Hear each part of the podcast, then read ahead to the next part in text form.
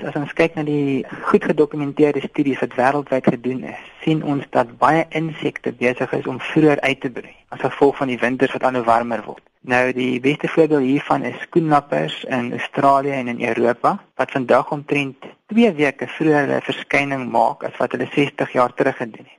Dit gaan natuurlik ook gepaard met bome wat vinniger begin bot en bloeisels maak. Daar's vele ander moontlike impakte op ons biodiversiteit. Ons kan ook dadelik dink aan peste en plaas, soos byvoorbeeld bosluise. Nou dan sê ons dat ons grootste bosluis uitbrake kom natuurlik voor in die warmer seisoene en daar's 'n rusperiode in die winter. Maar dit kan dalk ook verander soos wat die winters geleidelik warmer word. Hier het ons natuurlik spesialiste nodig wat vir elke spesies die spesifieke vereistes van daai spesies kan bestudeer en dan uitvind wat die effekte van 'n warmer klimaat op daai spesifieke spesies is. En wat van ons as die mens, wat se invloed het dit op ons en ons energieverbruik en so aan?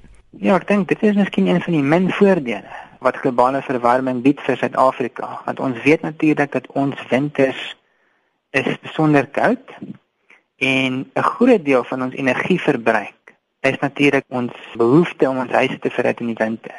Nou vandag is ons winters al reeds 2 grade warmer as wat hulle 100 jaar terug was en hulle is geleidelik besig om al hoe warmer te word. So die groot probleem wat ons het in Suid-Afrika met ons kragverbruik wat onder sulke druk is in die winter is verskynlik besig om geleidelik te verminder as gevolg van globale verwarming. So dit is een van die min voordele vir Suid-Afrika, verlaagde energieverbruik in die winter.